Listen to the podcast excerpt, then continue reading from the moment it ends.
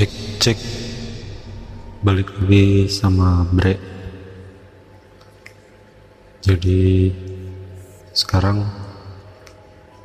bakal cerita pengalaman waktu kuliah dulu juga.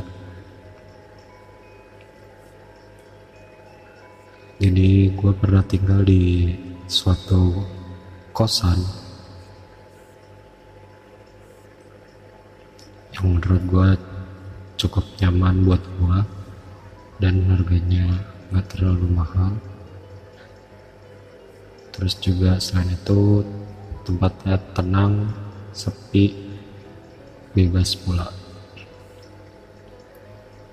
Jadi suatu hari itu gua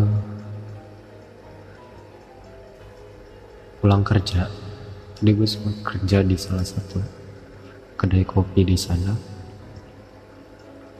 Dan itu kerja sampai jam 2 balik sampai kosan sekitar jam 3 kalau nggak salah. Gue balik keadaan badan capek. Sampai depan kamar kebiasaan gue yaitu ngetok pintu setelah gue ketok gue buka kunci.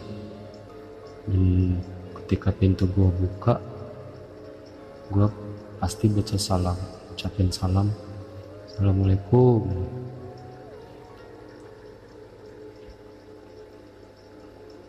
Dan ternyata tiba-tiba ada yang menjawab Waalaikumsalam dengan sedikit berbisik.